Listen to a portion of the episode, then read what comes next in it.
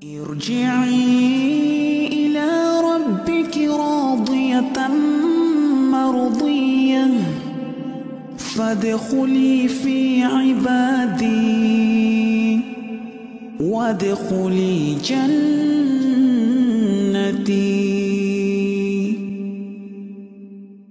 Untuk tidak berlama-lama kepada Ustadz Ami Nurbait kami persilahkan. Tawadul Maskuro, Ustadz Ami.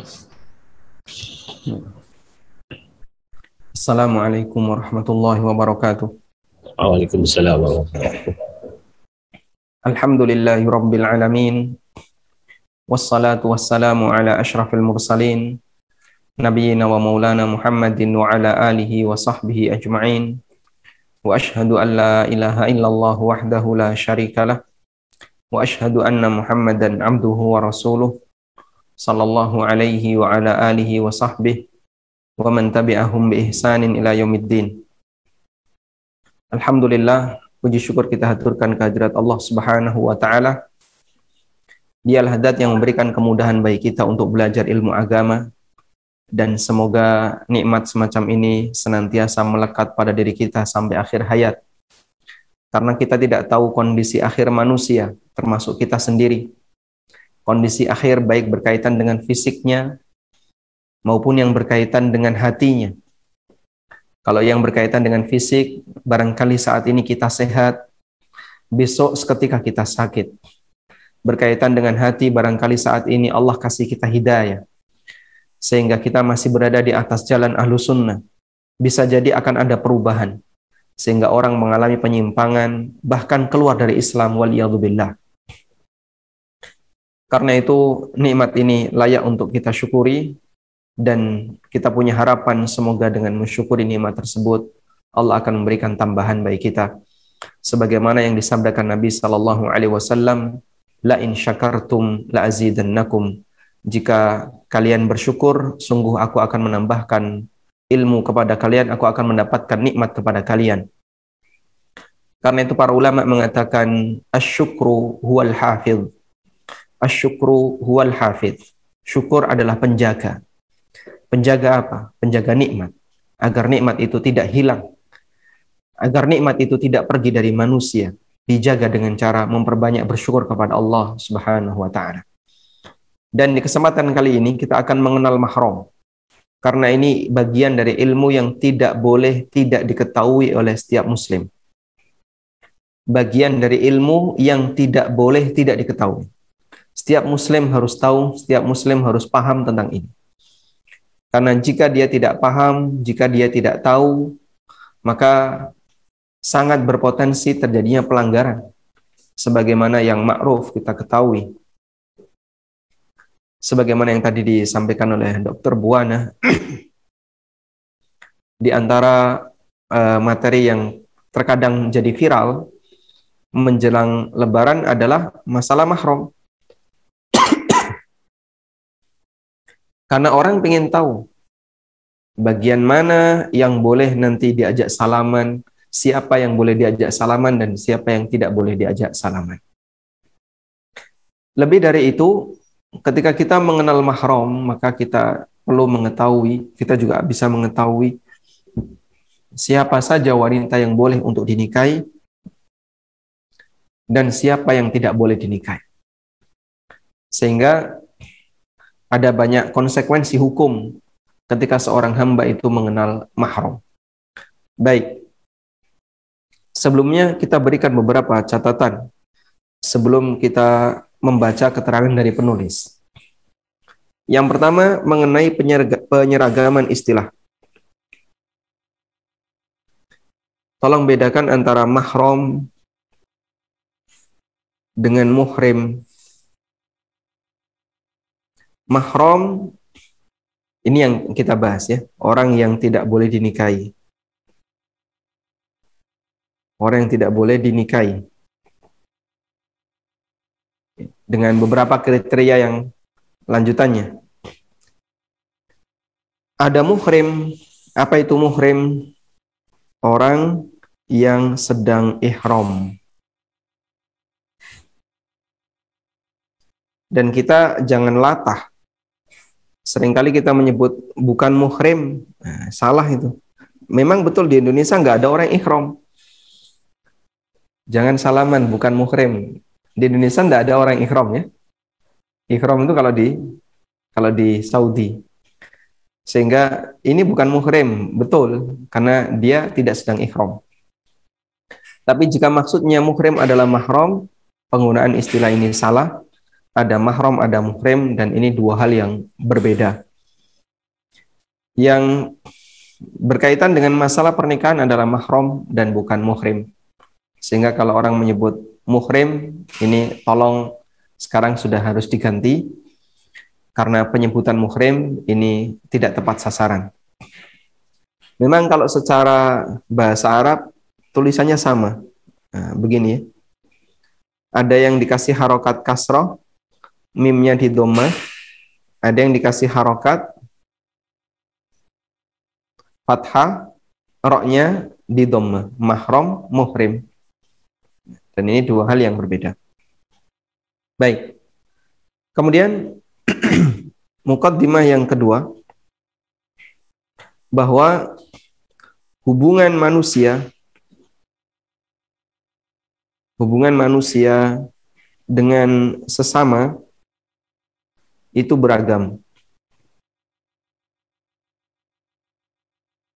ada wali, ada wali nikah, ada apa lagi? Ada ahli waris, ada mahrom. Dan tiga hal ini berbeda. Wali nikah, ahli waris, dan mahrom. Tiga hal ini aturan yang berbeda. Masing-masing memiliki aturan yang berbeda.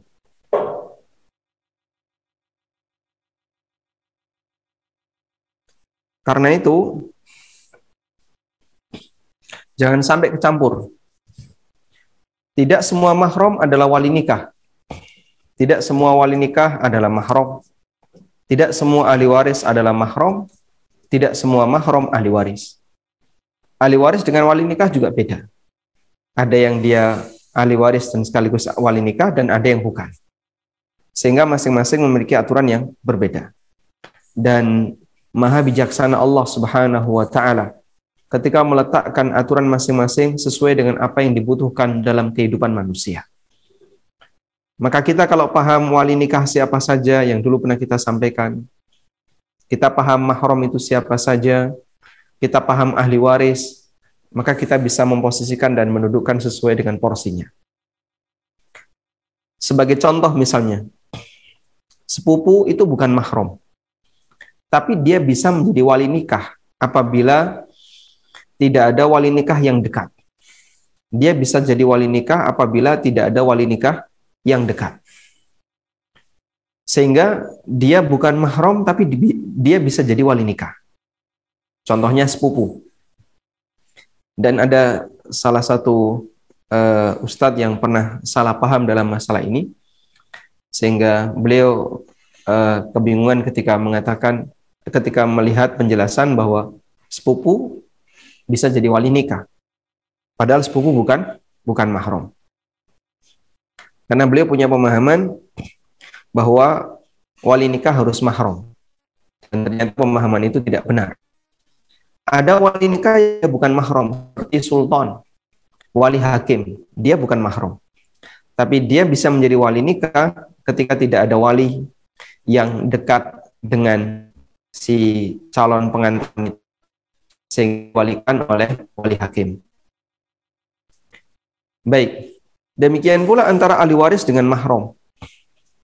Ada mahram yang bukan ahli waris. Contohnya siapa, Pak? mertua mahram. Tapi dia bukan ahli waris. Ya. Menantu itu mahram, tapi bukan ahli waris. Sehingga masing-masing kita dudukkan sesuai dengan porsinya. Paham ini, masya Allah, kita bisa uh, apa menjawab banyak masalah yang ada di masyarakat dan penting untuk jangan sampai dilakukan uh, jangan jangan sampai kecampur-campur antara satu aturan dengan aturan yang lain. Nah, kemudian yang ketiga, bahwa mahram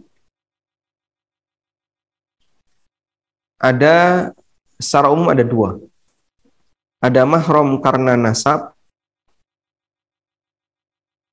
dan ada karena sebab. Mahram karena nasab dari awal mahram. Mahram karena sebab awalnya bukan mahram tapi jadi mahram karena ada sebab tertentu.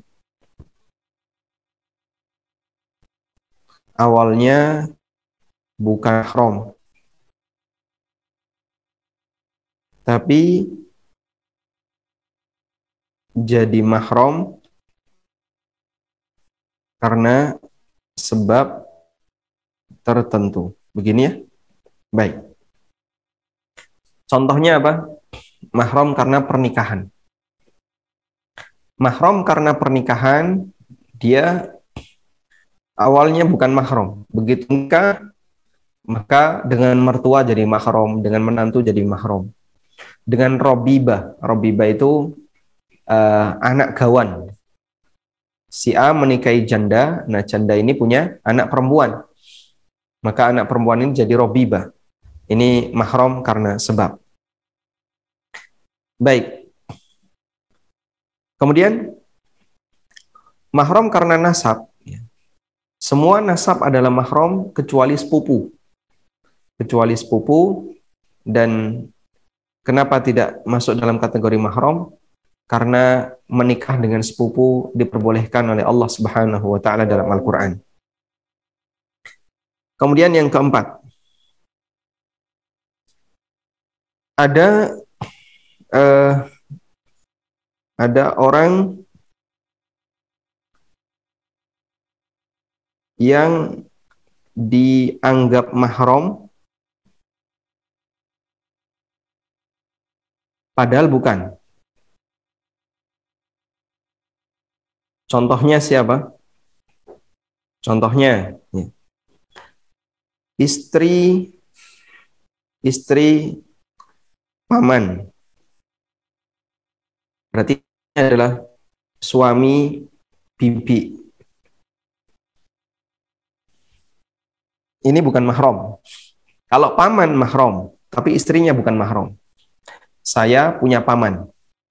Bapak saya dan adik bapak saya laki-laki. Adik bapak saya menikah.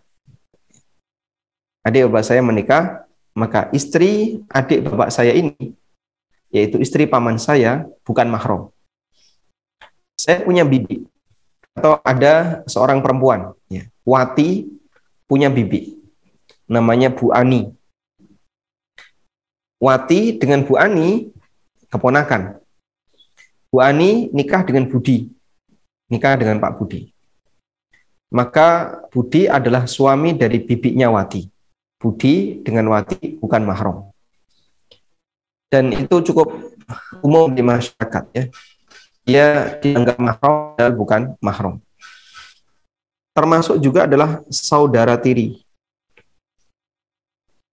Saudara tiri bukan mahram. Saudara tiri bagaimana? Tolong bedakan antara saudara seayah, saudara seibu, dengan saudara tiri. Ini beda ya. Baik.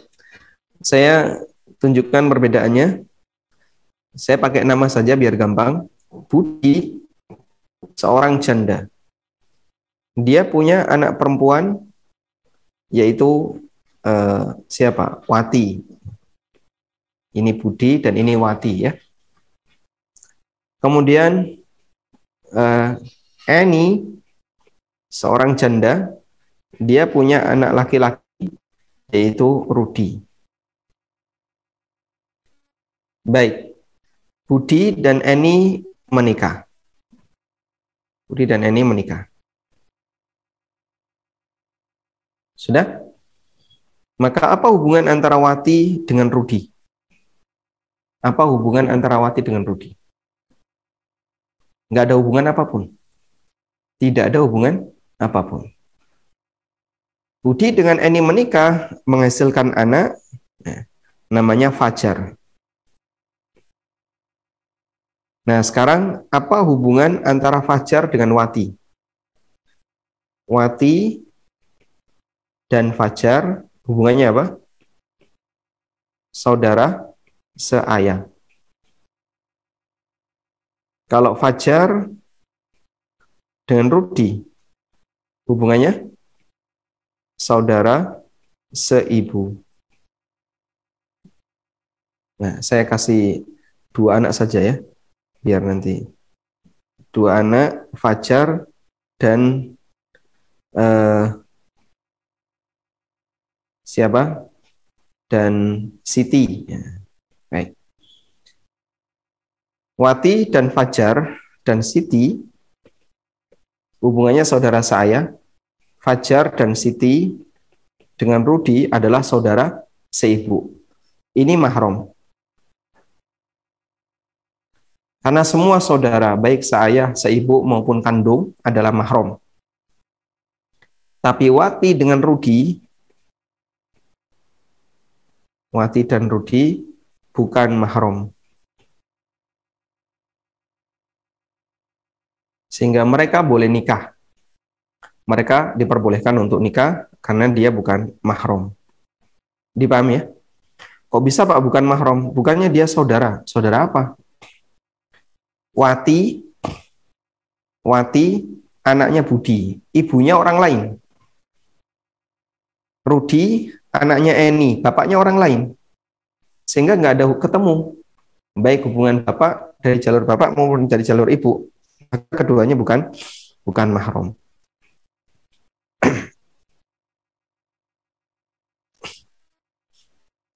Baik. Karena itu wati dan di bukan mahram. Nah kemarin saya sampaikan ini karena kemarin ada selebaran, ada poster ya, poster yang disebar melalui uh, WA gitu, yang mengatakan bahwasanya saudara tiri itu mahram, tapi salah paham dengan saudara tiri. Nah, saudara tiri itu gambarannya wati dengan fajar. Nah, saudara tiri adalah bapak nikah lagi lalu menghasilkan anak itu saudara tiri. Oh salah itu saudara sebapak. Saudara seayah itu mahram kalau saudara tiri. Nah gambarannya kayak gini. Budi punya anak, Eni punya anak, Budi dan Eni nikah. Maka anaknya Budi dengan anaknya Eni ini saudara tiri. Inilah yang disebut dengan saudara tiri. Baik, walhamdulillah. Nah, sekarang kita akan jelaskan definisi mahram. Tentang definisi mahram, ada definisi yang paling bagus yang dijadikan rujukan oleh para ulama berkaitan dengan definisi mahram yaitu keterangan An-Nawawi dalam Syarah Sahih Muslim. Qala Abu Zakaria An-Nawawi Abu Zakaria mengatakan Wa'lam anna hakifatal mahrami minan nisa. Pahami bahwasanya hakikat mahram di kalangan wanita allati yajuzun nadharu ilaiha di mana orang boleh melihatnya wal khalwatu biha dan boleh berduaan dengannya wal musafaratu biha dan boleh mendampingi dalam safar. Nah, itu konsekuensi mahram ada konsekuensi hukum mahram. Nah, di sini ya. Saya tambahkan nomor 4, nomor 5. Ya. Konsekuensi hukum mahram. Maka di situ ada larangan nikah. Larangan nikah. Yang kedua, apa lagi? Boleh boleh berduaan. Misalnya dalam satu rumah cuman berdua. Boleh berduaan, boleh safar bareng, dan seterusnya. Baik. Ini hukum boleh melihat ke auratnya, misalnya lihat ke apa? Dia tidak pakai jilbab, Kita coba lanjutkan. definisi mahram dengan konsekuensi ini adalah baik, coba kita baca definisi mahram.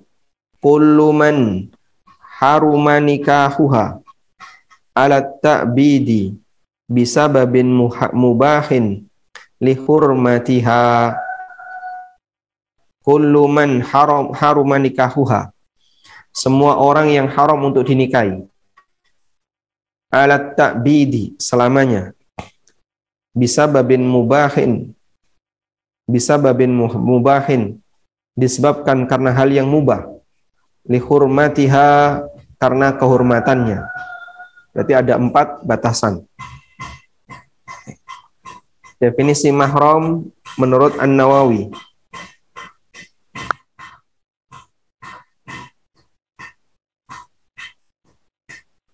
definisi mahram menurut An-Nawawi.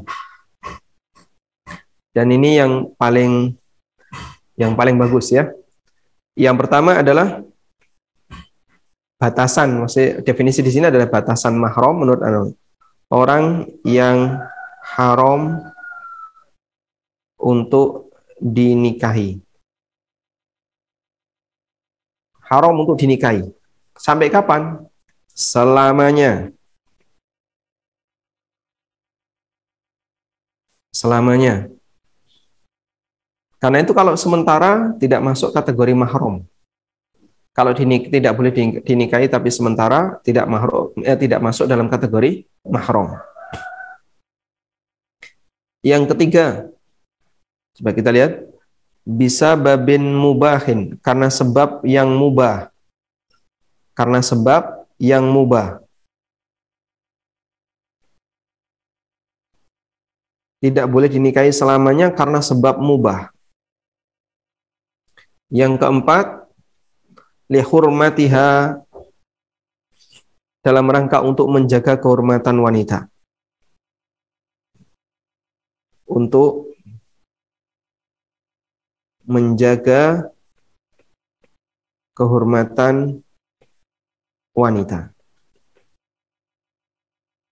Baik, ini batasan mahram yang disampaikan oleh An-Nawawi dan dengan batasan ini nanti kita bisa lihat siapa mahram dan siapa yang bukan mahram. Pertama adalah orang yang haram dinikahi. Berarti yang tidak haram dinikahi bukan mahram. Orang yang tidak haram dinikahi bukan mahram. Karena itu kalau saya tanya ya, kita lihat penjelasan batasan. penjelasan batasan. Penjelasan batasan maksudnya definisi. Yang pertama, haram dinikahi. Berarti, apakah suami itu mahram? Suami atau istri itu mahram atau bukan? Silakan diberi jawaban kami tunggu komen di silahkan di, ditulis di kolom chat ya. Suami atau istri mahram atau bukan? Silakan di kolom chat. Suami atau istri mahram atau bukan?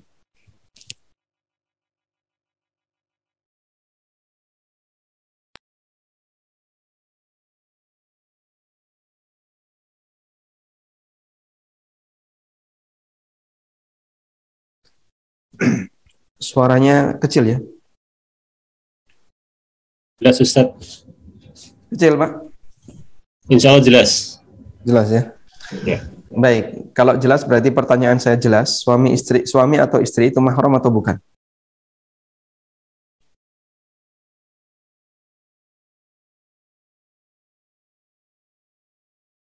Bukan. Silakan Ibu, silakan menuliskan jawabannya pertanyaan dari Ustadz. Apakah suami atau istri Masya Allah. Baik. Afif H. Afif H ini Ustadz Afif Haryana ini. Masya Allah.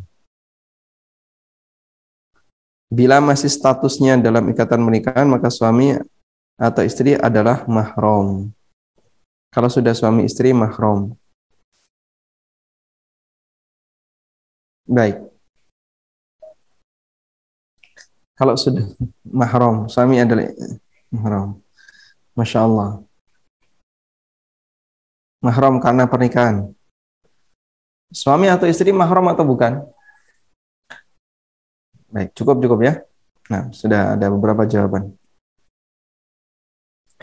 Kalau kita melihat dari definisi yang disampaikan oleh An-Nawawi tadi ya, mahram adalah man hurima nikahuha.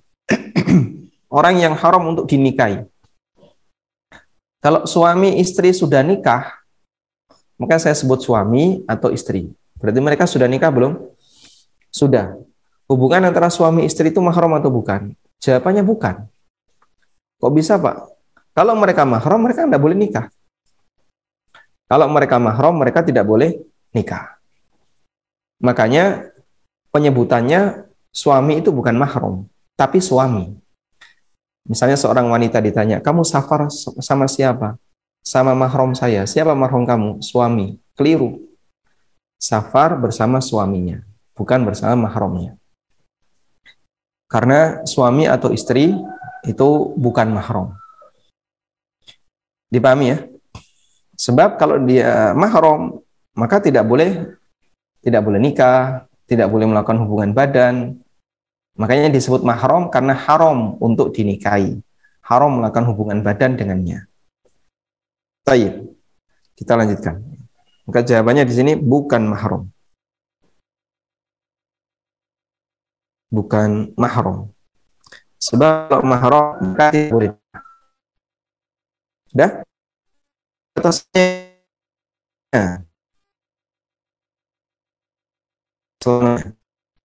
Ada istilah sementara. Karena yang tepat Tapi ya pun setelah istilah yang dipakai oleh para ulama ada yang menyebut mahram sementara seperti nanti penulis juga menyampaikan itu ada mahram ilal abad dan ada mahram ilal amad tapi istilah ini tidak disetujui oleh ulama yang lain mahram sementara yang benar tidak ada. Yang namanya selama. Contohnya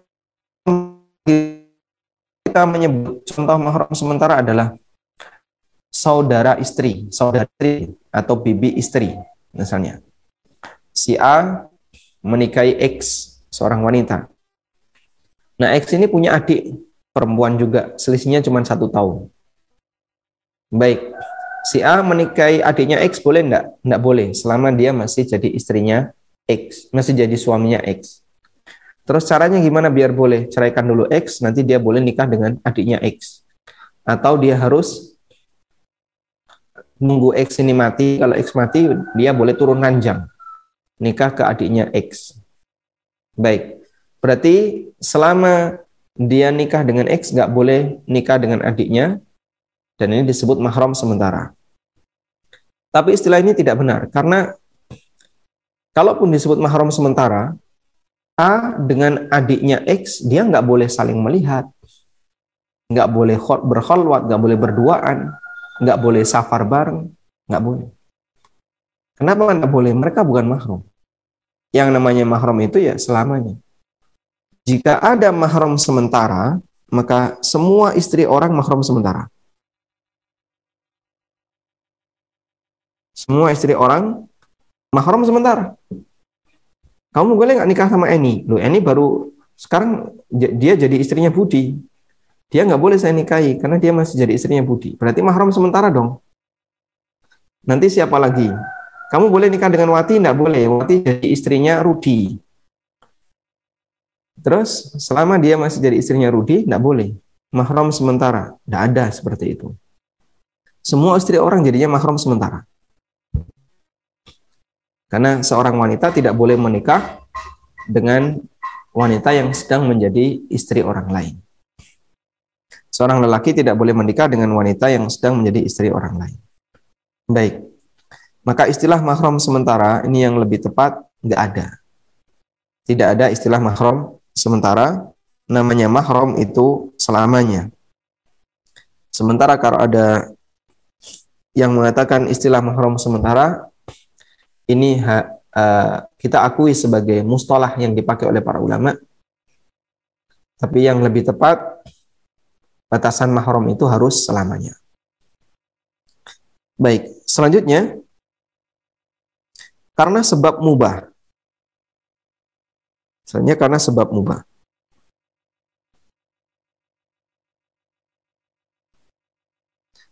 Ada orang jadi mahram karena sebab syubhat.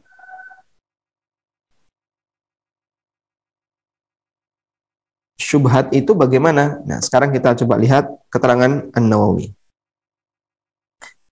Faqauluna 'ala ta'bid, batasan yang kami berikan selamanya ihtirazun min ukhtil mar'ah. Agar adiknya istri itu tidak masuk mahram atau pamannya atau bibiknya atau bibiknya bibik dari afan atau bibiknya baik bibik dari bapak atau bibik dari ibu wanahwihinna atau yang semacamnya agar tidak jadi mahram bisa babin mubah dengan sebab yang mubah. Ihtirazun min ummil mautu'ati bisyubhatin wa bintiha fa innahuma tahrumani ala ta'bid walaisata mahromain untuk mengeluarkan ibu dari wanita yang disetubui bisyubhatin karena syubhat. Jadi sebab syubhat ada hubungan badan syubhat. Sebab syubhat mak maksudnya adalah A ini seorang lelaki melakukan hubungan badan dengan sebab syubhat dengan B, ini seorang perempuan. Ya. Nah, B ini punya ibu. C, ini ibunya. Nah, A melakukan hubungan badan dengan B dan itu dengan sebab syubhat. Syubhat artinya dia tidak mengetahui kalau sebenarnya itu haram, tapi dia lakukan. Misalnya pernikahan yang seharusnya batal, tapi dia yakini itu sah. Contohnya apa, Pak? Contoh nikah dengan mahram yang tidak dia ketahui saudari sepersusuan. A dengan B ini adalah saudara sepersusuan. Mereka nikah dan tidak tahu. Ya, mereka nikah tidak tahu, padahal sebenarnya mereka ini adalah saudara sepersusuan. Setelah terjadi hubungan badan, baru mereka sadar kalau ini saudara sepersusuan. Maka antara A dengan C, antara A dengan C, ini mahram atau bukan? Jawabannya mahram antara A dengan C ini mahram uh, afwan tidak boleh menikah A dengan C ini tidak boleh nikah tapi dengan sebab syubhat. Dengan sebab syubhat.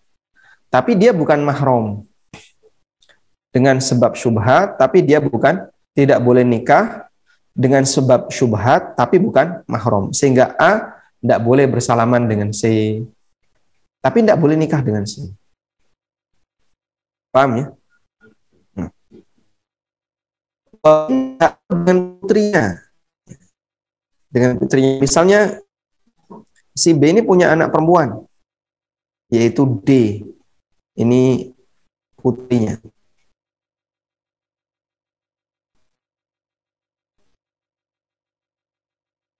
Jadi A nikah dengan seorang janda, yaitu B, yang janda ini punya seorang anak perempuan. Karena syubhat tidak ngerti. Nah setelah tahu, maka mereka dipisahkan. Ya. Nikah itu dibatalkan dan dipisahkan, tapi mereka tidak berdosa. Nah bagaimana hubungan antara A dengan C, tadi sudah ya, tidak boleh nikah, ini juga sama, tidak boleh nikah. Tidak boleh nikah, tapi karena syubhat bukan karena sebab yang mubah. Paham ya? Sehingga A dengan D gimana? Bukan mahram. A dengan C atau D bukan mahram. Bukan mahram, tapi tidak boleh nikah. Sebab syubhat disebabkan syubhat antara A dengan B. Disebabkan syubhat antara A dengan B. Paham ini ya? Alhamdulillah. Kita lanjutkan. Fa innahuma tahrumani ala ta'bid. Mereka tidak boleh dinikahi selamanya. Walaisata mahromain tapi bukan mahrum. Lianna wat asyubhati karena hubungan badan karena syubhat la yusofu bil ibaha tidak boleh disifati dengan mubah. Sementara di sini batasnya adalah bisa babin mubah dengan sebab mubah. Wali annahu laisa bi fi'li mukallafin dan ini di luar tanggung jawab seorang mukallaf sebab orang itu tidak tahu. Dan orang tidak tahu, orang yang nggak tahu dia tidak berdosa. Wallahu a'lam. Baik. Dipahami insya Allah. Kemudian, batasan yang keempat. Batasan satu, tadi ya tidak boleh dinikahi. Batasan dua, selamanya. Batasan tiga, karena sebab mubah. Batasan empat, untuk menjaga kehormatan wanita. Untuk jaga kehormatan wanita. Lihurmatiha, karena sebab menjaga kehormatan wanita. Jadi kenapa ini tidak boleh dinikahi selamanya? Karena kehormatannya. Misalnya contohnya gimana? Menikahi ibu itu kan jelek banget. Sangat tidak menghormati ibu. Menikahi eh, saudara perempuan, oh, itu jahat banget, jelek banget. Sehingga tidak menghormati saudara perempuan. Menikahi bibe, menikahi bude, dan seterusnya. Sehingga kenapa ibu tidak boleh dinikahi? Karena kehormatan ibu. Kenapa uh, apa saudara perempuan nggak boleh dinikahi? Karena kehormatannya. Sehingga menikah dengan saudara hukumnya dilarang, menikah dengan mahram hukumnya dilarang karena kehormatan wanita. Baik. Karena andai kan itu boleh, wah nanti nggak ada bedanya antara manusia dengan binatang. Ya. Binatang A sama B punya 10 anak. Nanti 10 anak ini besar bareng. Lalu mereka kawin gak karuan. Ya. Eh, namanya ayam. Sehingga kakak mengawini adik, adik mengawini kakaknya, gak karuan. Itu binatang. Manusia tidak demikian. Karena itulah keberadaan aturan mahram dalam rangka untuk menjaga kehormatan wanita. Baik. Namun ada yang nggak boleh dinikahi selamanya, tapi bukan untuk menjaga kehormatan wanita, yaitu al-mula'inah. Maka di sini disebutkan wa qauluna li hurmatiha keterangan kami untuk menjaga kehormatan wanita ihtirazun minal mula'anah agar tidak masuk dalam hal ini adalah wanita yang melakukan li'an. Fa innaha muharramatun ala ta'bid bisa babin mubah. Dia menjadi mahram selamanya, nggak boleh dinikahi selamanya dengan sebab yang mubah, yaitu li'an, yang dibolehkan dalam Al-Quran. Walaisat mahraman, tapi dia bukan mahram. Wanita ini bukan mahram. Li'anna tahrimaha laisa li hurmatiha bal uqubatan wa taglidhan karena dia tidak boleh dinikahi bukan mengingat kehormatannya sebagai bentuk hukuman. Baik. Contohnya mana? Ada wanita ada wanita yang tidak boleh dinikahi karena sebab hukuman bukan karena kehormatan. Bukan karena kehormatan. Sehingga misalnya A dengan B ini laki-laki ini perempuan. Mereka melakukan li'an. A bersumpah bahwasanya istrinya berzina. B bersumpah bahwasanya suaminya dusta. Ya, mereka melakukan li'an. Maka setelah li'an selesai, A dan B dipisahkan selamanya. Dipisahkan selamanya dan tidak boleh nikah selamanya. Tapi mereka bukan mahram. Oh, berarti kan tidak boleh dinikahi selamanya. Nanti boleh dong jabat tangan, lihat aurat, berduaan. Tidak boleh. Dia dipisahkan selamanya sebagai hukuman, bukan sebagai bukan sebagai uh, bukan untuk menjaga kehormatan wanita, tapi untuk hukuman. Wallahu a'lam. Baik, semoga bisa dipahami dengan baik. Kalau paham batasan mahram ini, masya Allah ya. Jadi kita nanti bisa mengenali ini mahram, ini bukan, dan seterusnya. Sekarang coba kita lihat penjelasan dari Imam As-Sa'di. Babul muharramati fin nikah. Bab mahram dalam pernikahan. Wahunna kisman ada dua. Muharramatun ilal abad wa muharramatun ila amad mahram selamanya dan mahram sementara. Makanya tadi saya sampaikan. Saya tidak mengingkari ada istilah mahram sementara dalam penjelasan ulama. Namun mahram sementara ini yang tepat bukan mahram. Sehingga meskipun disebut mahram sementara, tapi nggak boleh bersentuhan, nggak boleh berduaan, dan seterusnya. Makanya kalau kita lihat sini, mahram ilal amad mahram untuk sementara. Ini.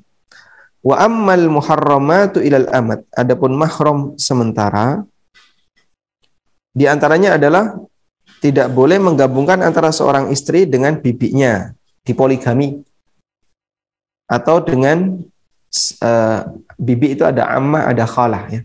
Bibi dari bapak namanya amma, bibi dari ibu namanya khalah. Atau dengan saudara perempuannya. Meskipun demikian itu bukan mahram. Itu bukan mahram. Sehingga nggak boleh bersentuhan. Tapi kenapa disebut mahram? Karena tidak boleh untuk dinikahi sampai istri ini dicerai atau dia e, meninggal dunia. Nah, sekarang kita akan lihat fal muharramatu ilal abad. Mahram sel mahram selamanya. Sab'un minan nasab ada tujuh dari golongan dari jalur nasab. Tujuh dari jalur nasab. Di sini ada footnote nomor satu, coba kita lihat. Qala Syekh, kata Syekh, Fal qarabatu kulluhunna haram. Semua wanita yang masih kerabat adalah mahram illa banatul am wa banatul ammat wa banatul akhwal wa banatul khalat seluruh kerabat adalah mahram kecuali sepupu. Seluruh kerabat adalah mahram kecuali sepupu. Sepupu bisa anak paman atau anak bibi. Sudah ya? Baik. Tujuh mahram dari nasab.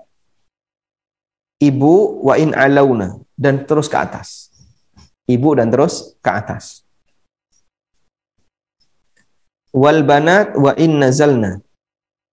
Anak dan terus ke bawah. Walau min banatil bin. Meskipun dari jalur anak perempuan. Anak perempuan, cucu perempuan, dari anak perempuan, cucu-cucu terus ke bawah. Ya. Anak, cucu, cicit, cangga, kemudian apa? Cangga wareng, udek-udek, gantung siwur, dan seterusnya ke bawah ya wal akhwat mutlakon seluruh saudara. Baik saudara kandung saudara sebapak maupun saudara seibu. Maka disebut mutlakon. Semua semua saudara. Artinya bisa saudara kandung sebapak seibu. Wa banatuhunna dan anak saudara keponakan. Keponakan baik dari saudara laki saudara perempuan baik kandung, sebapak maupun seibu. Wa banatul ikhwah dan saudara dari anak dari saudara laki-laki. Anak perempuan dari saudara laki-laki, keponakan perempuan dari saudara laki-laki. Nah, ini dipisah ya. Ini dipisah dalam kajian mahram karena bahasa Arabnya beda. Ada akhwat itu untuk perempuan, ikhwah untuk laki-laki.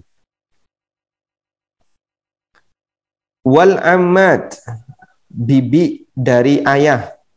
Wal khalat bibi dari ibu. Lahu auli ahadi usulihi. Baik yang nyambung ke bapak satu arah, artinya kandung, atau nyambung ke bapak atau ke ibu dari salah satu bisa bibik sebapak atau bibik seibu. Tidak susah ya insya Allah. Tayyip. Jadi ini kalau kita gambar, insya Allah mungkin lebih jelas ya. Dalam bahasa Arab nih ya agak susahnya itu di bagian ini. Dalam bahasa Arab, sebapak dengan seibu itu di beda istilah ya, meskipun statusnya sama. Beda istilah meskipun statusnya sama. Jadi misalnya A dengan B ini menikah kurang dur.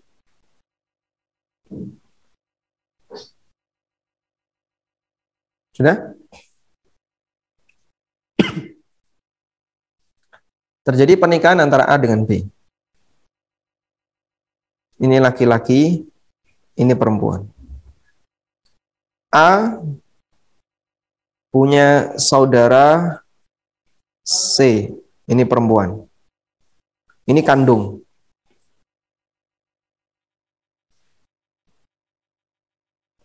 Dia juga punya saudara D, perempuan.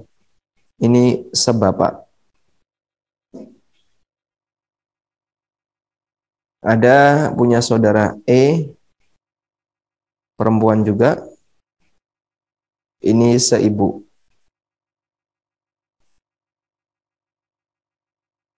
Nah, nanti ini juga sama ya, punya saudara ya, bapak seibu saya. Nah. Kemudian A ini punya anak. A ini punya anak. Afwan, anaknya dua aja. Eh, P dan Q. Nah, kemudian A nikah lagi. Nah, bingung nulisnya gimana ini jadi. A nikah lagi dengan X. Nah, nanti punya anak lagi. Susah ya? Karena kita dua dimensi ya. Kalau tiga dimensi mungkin kelihatan. Ini harusnya plus ini. A dengan X plus. A plus X. Nanti dia punya anak. Punya anak dan seterusnya. Nah, yang perlu diperhatikan di sini, misalnya B punya saudara F, G, H. Baik, dalam bahasa Arab, saudara sebapak itu disebut dengan amat. Saudara dari ibu, saudara dari bapak disebut amat, saudara dari ibu ini disebut khalat khalat ada amat ada khalat. Tunggalnya ammatun khalatun. Baik yang sebapak seibu atau kandung. Semuanya statusnya sama. Maka jika P ini laki-laki, Q ini laki-laki, ya, Q ini perempuan, sudah? Apa hubungan antara P dengan E? Apa hubungan dengan antara P dengan E? Jawabannya mahram. Mahram kenapa? Karena E adalah saudari ibu seibu. Apa hubungan antara B, antara P dengan F? Ini perempuan juga.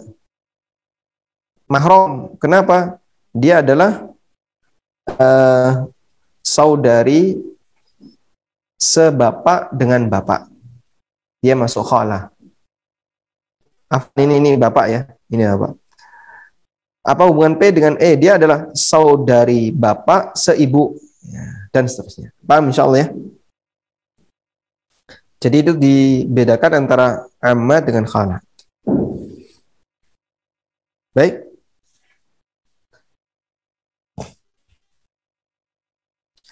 Kemudian wa sab'un minar rada dan tujuh karena persusuan.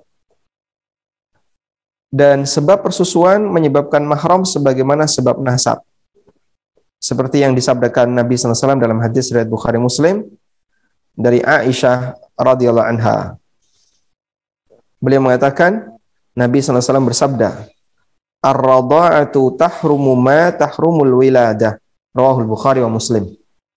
Persusuan itu bisa menyebabkan mahram sebagaimana sebagaimana kerabat sebagaimana karena nasab. Persusuan bisa menjadi mahram sebagaimana karena nasab. Sehingga jumlahnya berapa? Nadhirul madhkurat sama seperti yang sudah disebutkan di atas. Maka ada ibu susu.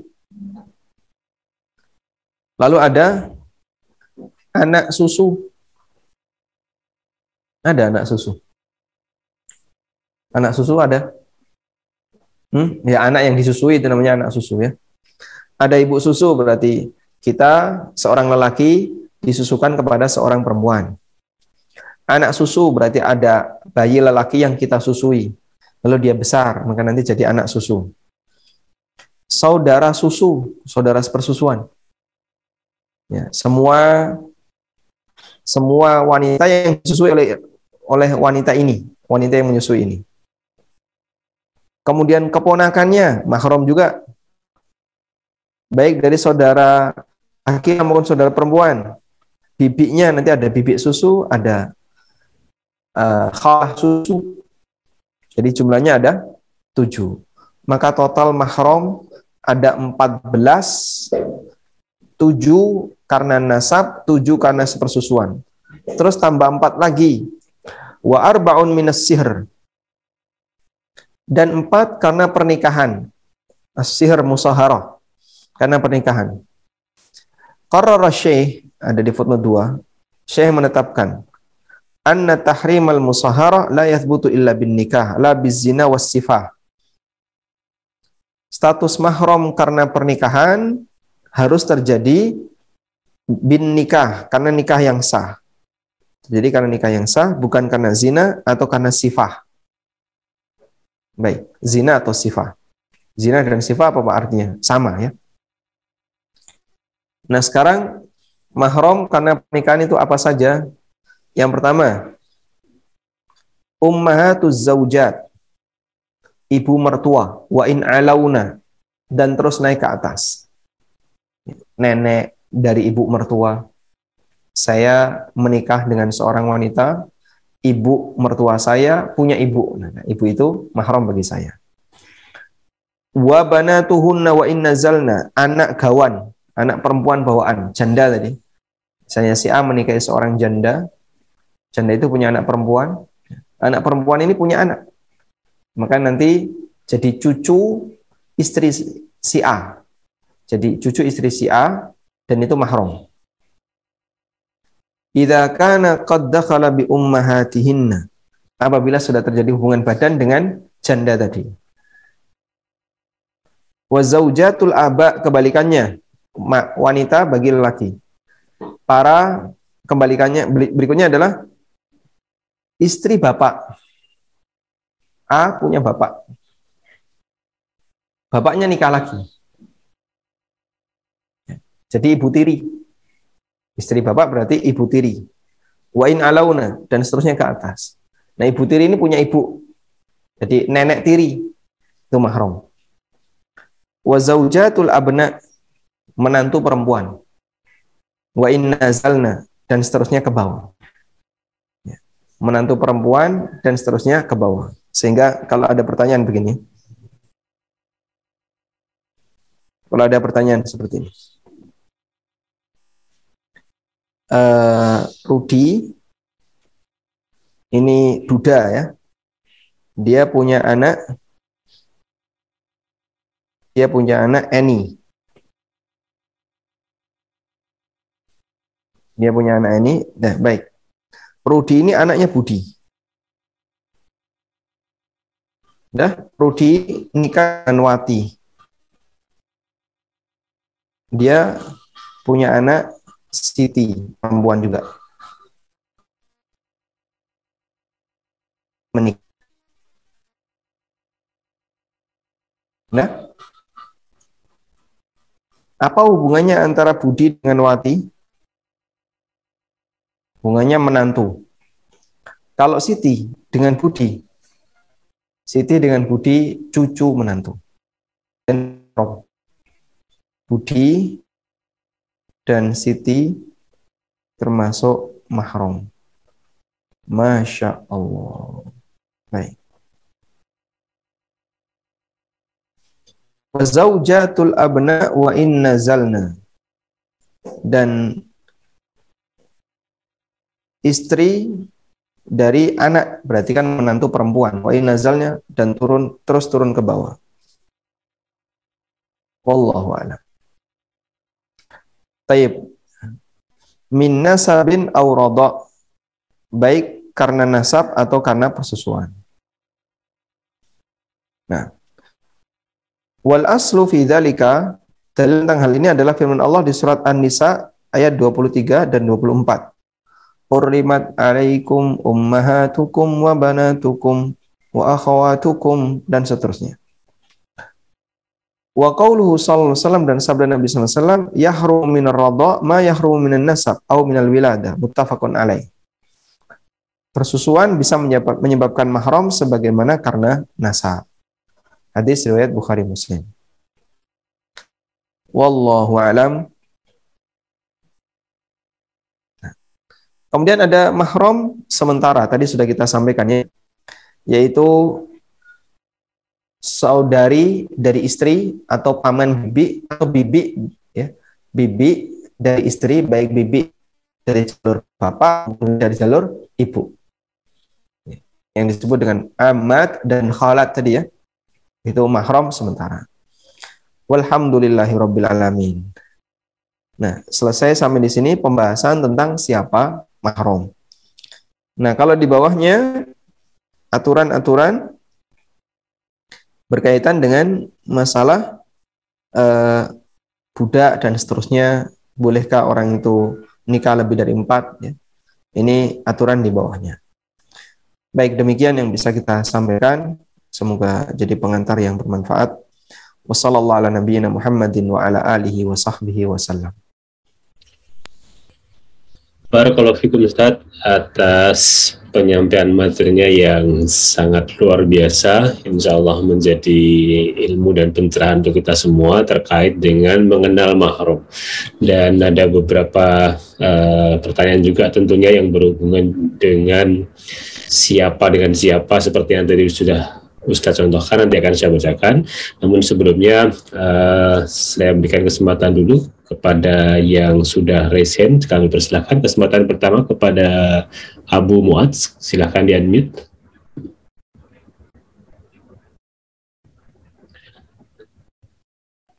silakan. Ya, ya. Assalamualaikum.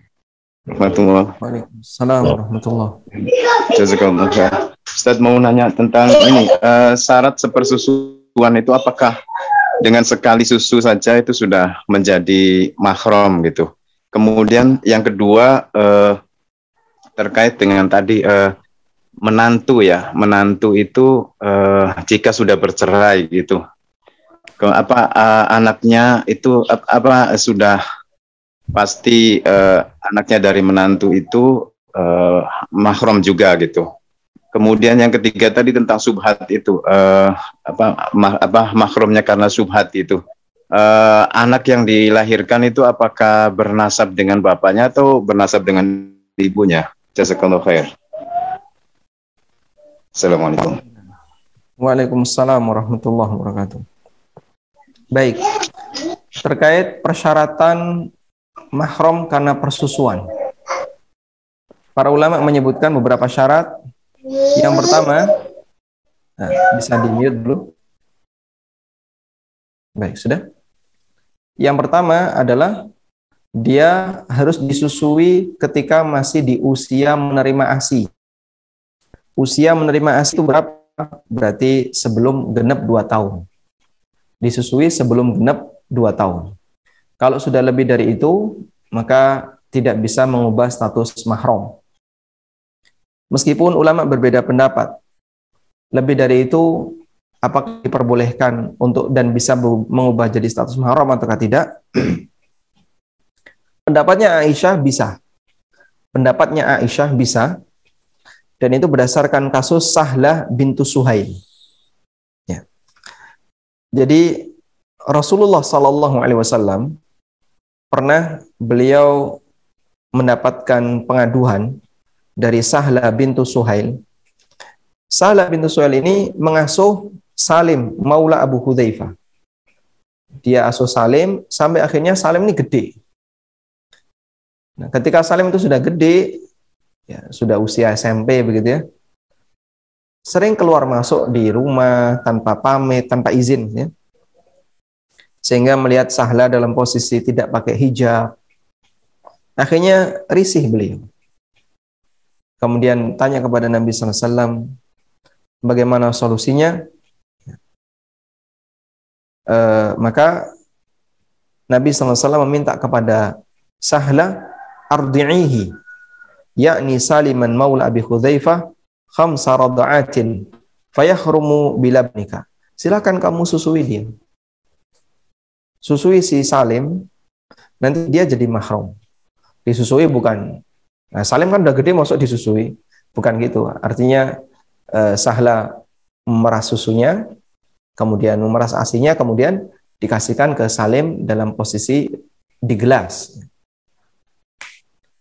Nah, kemudian dengan kata dengan cara itu kata Nabi SAW, rumu bila benika, bila beniki. Maka dia bisa menjadi mahram dengan asimu. Fa'alat. Lalu itu dilakukan. Wa kanat tarahu ibnan minar sehingga bagi Sahla Salim ini adalah anak sepersusuan. Namun pendapat ini dan perawi hadis ini adalah Aisyah radhiyallahu dan Aisyah memahami yaitu berlaku umum untuk semua untuk semua uh, umat Muhammad sallallahu alaihi wasallam. Tapi para ulama mengatakan ini hanyalah pengecualian yang berlaku bagi Sahla bintu Suhaib. Sedangkan yang lain nggak berlaku. Karena itu berdasarkan pendapat ini Aisyah radhiallahu anha beliau melihat ada seorang lelaki remaja yang cerdas. Maka Aisyah meminta kepada lelaki yang cerdas ini, tolong kamu minta ASI dari saudari perempuanku, A atau B atau C. Aisyah punya beberapa saudari perempuan yang dia masih produktif bisa mengeluarkan ASI, minta ASI dari dia. Nah, setelah dikasih ASI selama lima persusuan, lima gelas, gitu ya, mungkin datangnya tidak sehari, bisa beberapa hari, sudah jadi mahramnya Aisyah. Yaitu apa? Keponakan sepersusuan. Nah, kalau sudah jadi mahramnya Aisyah, dia bisa talaki ilmu, belajar ilmu dari Aisyah radhiyallahu. Disuruh masuk ke rumahnya Aisyah, bisa belajar dari Aisyah, dididik oleh Aisyah, ya. Dan itu yang dilakukan oleh ibunda Aisyah radhiyallahu dalam rangka untuk mendidik seorang tabiin yang cerdas tapi nggak punya hubungan mahram dengan Aisyah dibuat seperti itu. Wallahu alam. Nah, selanjutnya syarat yang kedua persusuan itu adalah persusuan minimal lima kali, bukan lima sedotan tapi lima kali. Ya. Satu kali persusuan ya sesuai dengan bayi menyusu. Misalnya dia menyusu selama lima menit, terus baru lepas, nah itu dihitung satu kali persusuan. Kalau sudah lima seperti ini, maka jadi mahram. Sebagaimana keterangan Aisyah dalam riwayat Muslim, kana fima unzila minal Qur'an ashra ashru radha'atin ma'lumatin yahrimna. Di antara ayat Al-Qur'an yang dulu turun adalah 10 persusuan bisa menjadi mahram. Summa nusikhna bi khamsin bi khamsin ma'lumat. Kemudian dihapus dengan lima kali persusuan. Fatwufiya Rasulullah SAW wa hunna fima yaqra'u min Qur'an.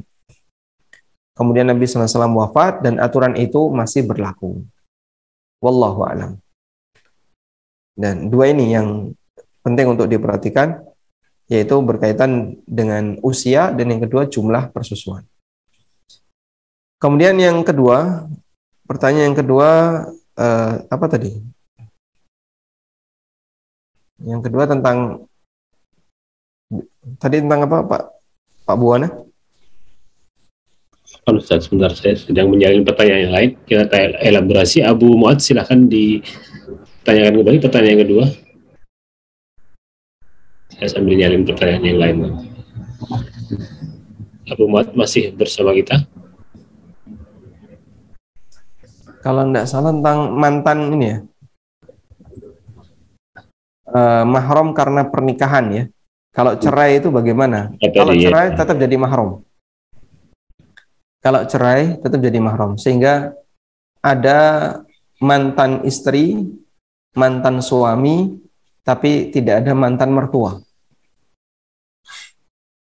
Sehingga A dan B bercerai, tapi A dengan mertuanya tetap mahram. Wallahu a'lam. Alhamdulillah. Um, baik, pertanyaan selanjutnya kembali kami persilahkan kepada yang sudah reset kepada Akhi Leo Abu Sajid. Kami persilahkan untuk diambil. Mohon singkat karena banyak sekali pertanyaan di kolom chat sudah masuk. Ah, baik, insya Allah. Jazakallah khairan. Barakatuh. Assalamualaikum warahmatullahi wabarakatuh, Ustaz. Assalamualaikum. Uh, Barakallahu fikum, Ustaz, dan juga jaminan semua. Ustaz, contoh kasus, eh, contoh kasusnya, Ustaz. Jika A dan B itu adalah kakak beradik ya, Ustaz, ya. A itu, Alhamdulillah, Allah mudahkan mendapatkan rumah. Ini Ustaz sudah menikah dan mendapatkan rumah. Sudah memiliki rumah. Kemudian, eh, B, B ini eh, beliau baru keluar dari lembaga riba sehingga Kudarullah sampai hari ini beliau tidak memiliki pekerjaan dan juga baru saja menikah Ustaz. Nah, jika si B eh, apa istrinya si B itu juga bekerja Ustaz, bekerja. Nah, jika si A itu eh, dalam rangka membantu eh, si B Ustaz, apakah boleh eh, B tinggal di rumah si A? Ustaz? Sementara kemungkinan sholat antara si B dengan istri si A itu cukup besar kemungkinan itu karena kan si B tidak memiliki pekerjaan dan istrinya A tidak bekerja juga gitu. Kira-kira seperti itu. Apakah uh, apakah diperbolehkan uh, si A ini mengizinkan agar si B itu bisa tinggal? si B ya di rumah. Seperti itu. Kondisikan dulu uh, break sound-nya. Oh, kurang, kurang jelas ya Ustaz. Apa? Ada ya, Iya. Eh, ya seperti itu tadi Ustaz. Jadi si A itu apakah boleh hmm, apa namanya apa, mengizinkan si B menumpang di rumahnya sementara B itu eh, sementara ini belum ada pekerjaan dan istrinya A juga tidak bekerja sehingga ada kemungkinan eh berkhawat tuh antara si B dan eh, istrinya A gitu Ustaz.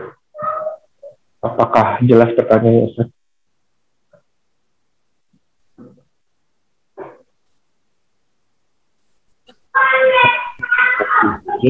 Suara Ustadz malah gantian yang hilang.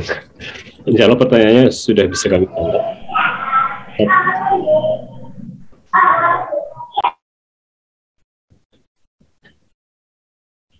Afan audionya Ustadz. Ustadz kami Afan kami belum mendengar audionya.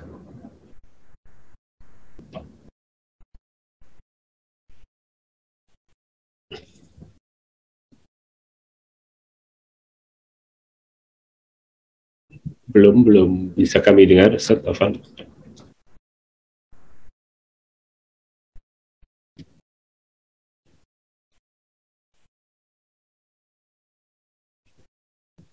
Belum, belum, belum Ustaz. Di sini indikatornya mic-nya nyala tapi kami tidak bisa mendengar audionya.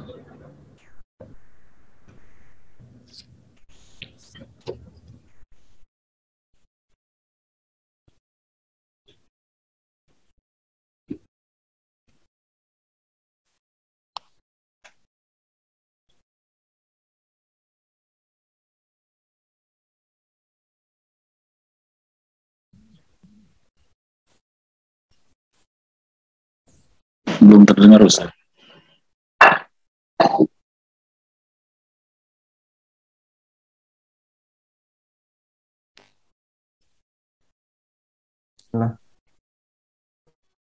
Tapi hijau. Nah, Mas Pak Ya, mulai mulai ya. Tadi putus ya.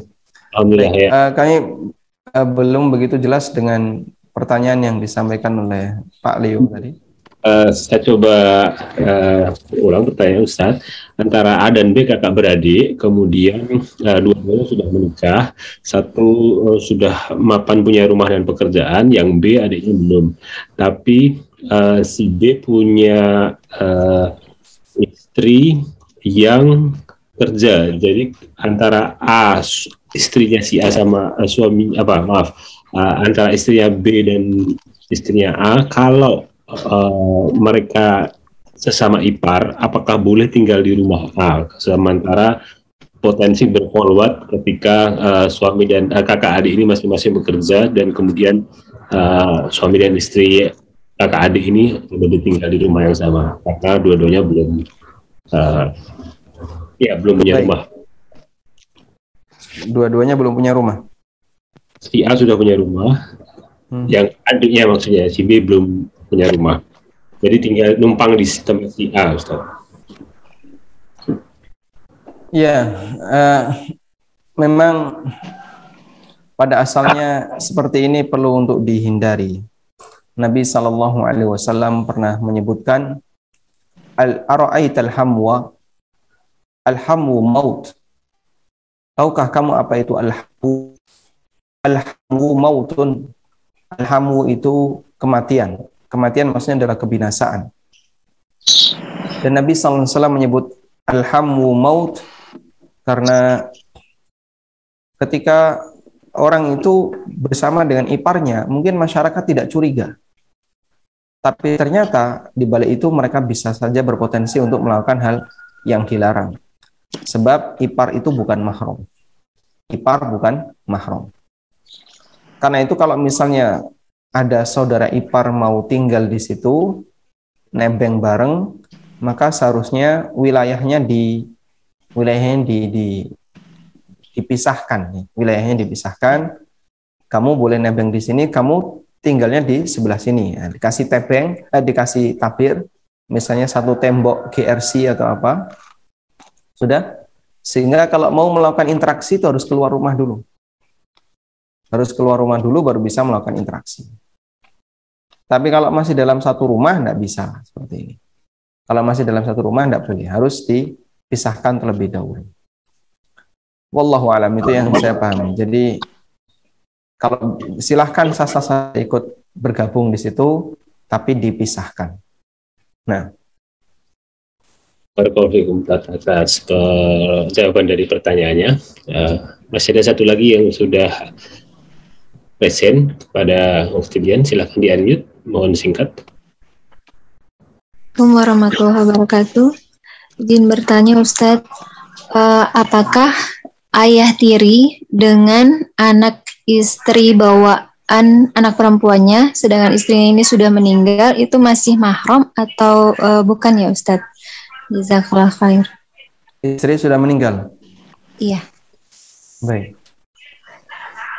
Baik, jadi jawabannya masih mahram meskipun sudah meninggal. Jadi syarat syarat anak perempuan tiri bisa menjadi mahram bagi ayah tirinya adalah dia menikah dan terjadi hubungan badan. Sudah?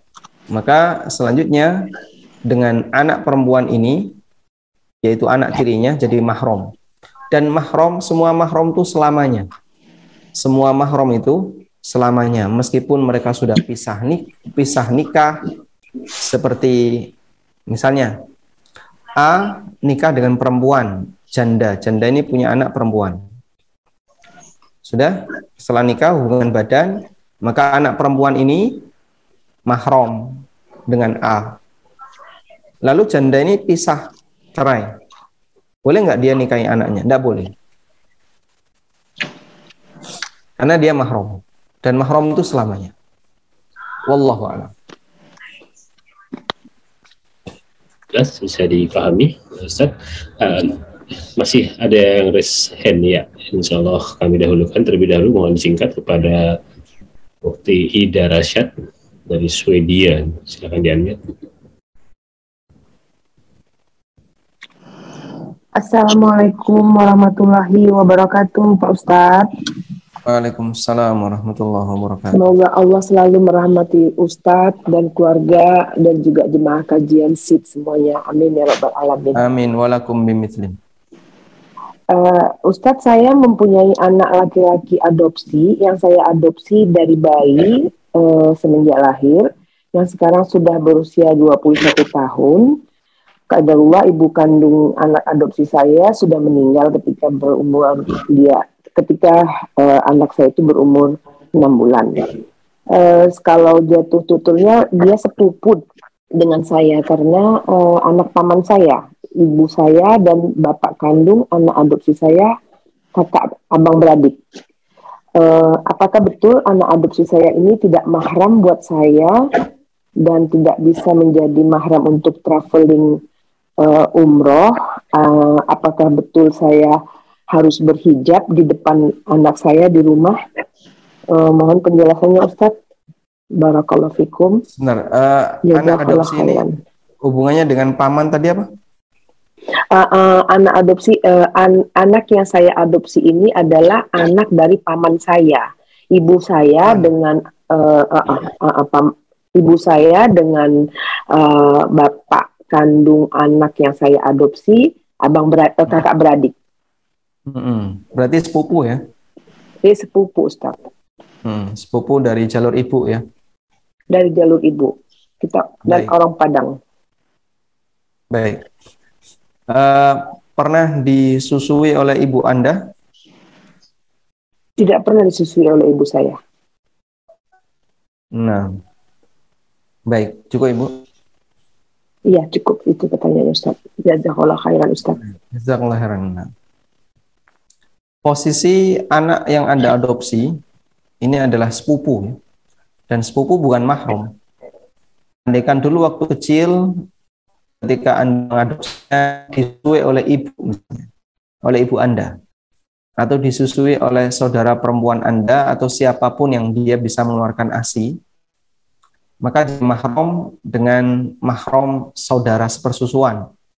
Atau bibi sepersusuan tapi mengingat kejadian itu tidak ada, maka yang bersangkutan bukan mahram. Sehingga tetap statusnya sebagai sepupu, dan karena sepupu, ya dia harus berhijab, dia harus dan Anda harus berhijab di hadapannya. Maka nanti diatur pergaulannya, kamu bukan mahram saya, kamu nanti di sini meskipun kita berikan kelonggaran bagi dia dalam urusan masalah makan, masalah tempat tinggal, tapi dia bukan mahram sehingga tidak boleh berduaan dengan beliau, tidak boleh safar dengan beliau. Ya. Sebab bukan mahram. Wallahu a'lam. Tapi kalau uh, tapi tuturnya anak saya masih saya, manggil saya mama nggak apa Ustaz? Ya masalah panggilan itu insya Allah lebih ringan. Masalah manggil ibu dan seterusnya. Kita memanggil istri Nabi SAW dengan ibunda, ummahatul mukminin. Tapi Aisyah dengan kita bukan mahram. Meskipun tidak boleh dinikahi. Aisyah tidak boleh dinikahi oleh siapa pun di antara umat Nabi Muhammad SAW, tapi beliau bukan mahram. Nah, meskipun panggilannya. Dan dulu mereka manggil ibunda. Kalau jelas dan bisa dipahami oleh Ibu. Sangat sangat jelas. Terima kasih uh, Aki Buana. Barakallahu fikum. Assalamualaikum warahmatullahi wabarakatuh. Assalamualaikum warahmatullahi wabarakatuh. Kami, Waalaikumsalam. uh, baik, uh, kami lanjutkan ke beberapa pertanyaan yang sudah ada di kolom chat tetap. Um, masih berkaitan dengan uh, siapa mahromnya siapa atau bukan mahromnya siapa Ustaz. Bismillahirrahmanirrahim. Izin bertanya Ustaz, uh, ada suami istri, ayah dari istri menikah dengan ibu dari suami. Berarti besan ini ya Ustaz. Apakah diperbolehkan yang pertama? Kemudian yang kedua, seorang wanita menikah dengan anak dari bapaknya si A. Selang beberapa tahun bercerai, uh, beberapa bulan menikah dengan bapak A. Berarti dari menantu ke istri. Apakah itu juga diperbolehkan Ustaz? Barakallahu fikum.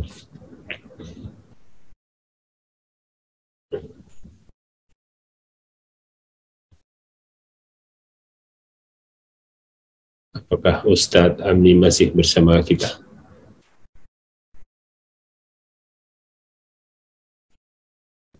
Masya Allah, uh, putus. Um, masih ada akun yang satu lagi, Ustadz?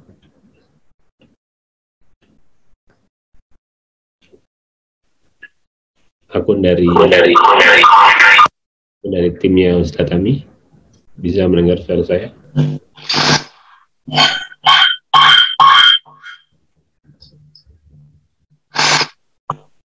Sambil kita tunggu, mohon maaf Bapak Ibu jamaah sekalian eh, kembali bergabung bersama kita semua serta Minur Baits. Sedang ada gangguan koneksi. Kalau tadi kita lihat juga sesekali putus-putus. Mudah-mudahan beberapa saat lagi bisa terkoneksi kembali. Eh, Assalamualaikum Ustadz. Apakah Kayaknya belum masuk. tapi ada satu yang nyala ya, yang timnya. Oh, iya, coba dicek. Ini.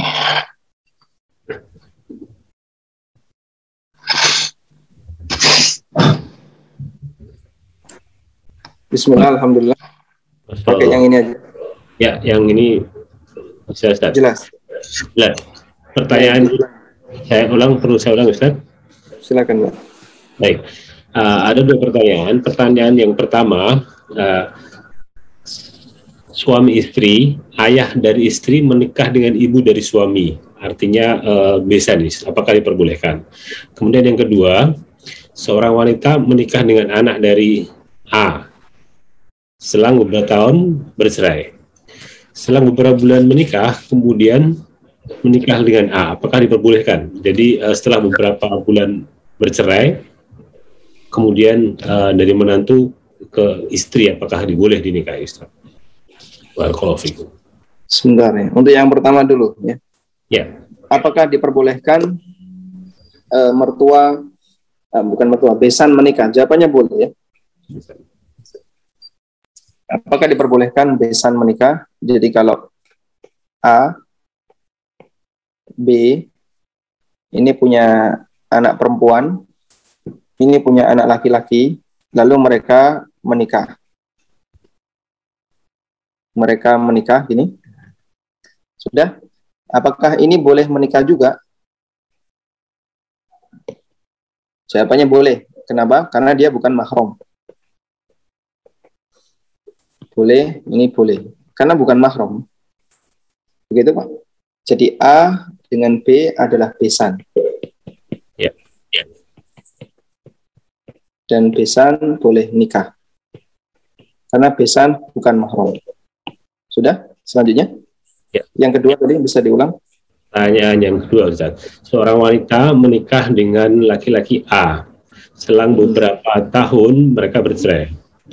Kemudian eh, setelah bercerai itu beberapa bulan kemudian menikah dengan bapaknya A tadi. Eh, apakah itu diperbolehkan? Jadi eh, yang tadinya mertua kemudian dinikahi setelah mereka bercerai Ustaz. Sud- mereka menikah sudah Ya. melakukan hubungan badan belum? Ah, Afwan, nggak ada Menikah syarat dari itu. anaknya Ustaz. Menikah dengan Nggak ada syarat. Paham, paham. Jawabannya haram dan ini termasuk pelanggaran jahiliyah. Ini kan lelaki ya. Ini wanita. lalu ini punya ayah, begini. Ya. Ya, Ustaz. Kemudian ketika ini cerai, Eh. Ayah menikahi anak atau menantu wanitanya. Ya. Ini pelanggaran jahiliyah. Dulu pernah melakukan seperti ini. Jadi ada anak menikahi istri ayah atau ayah menikahi istri anak. Dan Allah Subhanahu wa taala mengatakan dalam Al-Qur'an, "Wa halailu abnaikumul ladzina min aslabikum." Di antara yang mahram adalah wa halail para istri dari anak kalian, alladzina min aslabikum yang merupakan keturunan kalian. Tapi kalau tiri eh, anak angkat boleh. Kalau anak kandung, anak keturunan tidak boleh. Ini tidak boleh nikah. Mahram. Sehingga ayah dengan W adalah mahram. Baik. Insyaallah jelas dan bisa dipahami. Masih saya lanjutkan pertanyaan selanjutnya. Bismillah, Assalamualaikum, Assalamualaikum. Ustadz izin bertanya, bagaimana batasan aurat mertua perempuan di hadapan menantu laki-lakinya? Kemudian apakah boleh mertua tersebut mencium kening menantunya seperti yang biasa mertua lakukan ke anak-anaknya? Syukran jazakallahu khairan. auratnya adalah aurat anggota wudhu. Aurat anggota wudhu, leher ke atas, lengan ke bawah, kemudian betis ya, di bawah pus, di bawah lutut ke bawah. Itu aurat yang boleh dilihat. Maka rambut boleh dilihat, ya. kemudian lengan boleh dilihat. Kemudian bolehkah mencium kening? Insya Allah tidak masalah. Salaman, cium kening, cium tangan, insya Allah boleh. Nah, informasi. Masih pertanyaan selanjutnya, izin bertanya Ustaz, apakah jika seorang muslim yang menganggap bahwa sepupu adalah uh, seperti mahram yang dikatakan boleh berduaan, bersalaman dan seterusnya, pertanyaannya, apakah anggapan seperti itu termasuk kufur dengan syariat yang dibawa oleh Nabi Shallallahu Alaihi Wasallam? Ustaz? Barakallahu fikum. Umumnya itu terjadi karena ketidaktahuan. Sehingga di masyarakat kita, ketika ada kondisi demikian, maka insya Allah tidak sampai pada derajat keluar dari Islam haram, eh, kafir maksudnya, karena umumnya terjadi karena ketidaktahuan.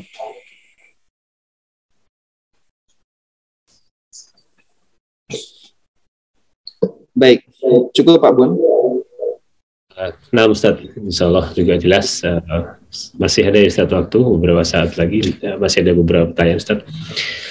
Uh, Assalamualaikum Ustaz, Afan izin bertanya, seorang istri tidak boleh safar tanpa mahramnya. Yang dimaksud mahram di sini, apakah istri harus safar dengan suaminya atau apakah istri boleh safar tanpa suami tapi dengan kakak atau adik perempuannya atau keponakannya? Jazakallahu khair Ustaz. Istri tidak diperbolehkan untuk safar. Seorang wanita tidak boleh safar tanpa mahram atau tanpa suaminya. Sehingga apakah diperbolehkan seorang istri safar dengan kakaknya? Jawabannya boleh, berarti itu mahramnya. Dengan eh, apa? Pak D-nya boleh, pamannya boleh, karena itu mahramnya. Begitu maksudnya? Ya. Kalau suami nggak bisa menemani, maka nanti bisa ditemani dengan saudara-saudaranya atau siapa pun yang bisa menemaninya. Pada waktu Aisyah radhiallahu anha ketika musim haji mau mengambil mikot di daerah Tan'im, beliau diminta untuk ditemani oleh Abdurrahman. Abdurrahman ini siapa? Saudara laki-laki Aisyah. Abdurrahman bin Abi Bakar. Karena waktu itu Nabi SAW nggak bisa menemani, lalu Aisyah keluar dari Mekah menuju Tan'im ditemani oleh Abdurrahman. Wallahu a'lam. ارجعي إلى ربك راضية مرضية فادخلي في عبادي. وادخلي جنتي.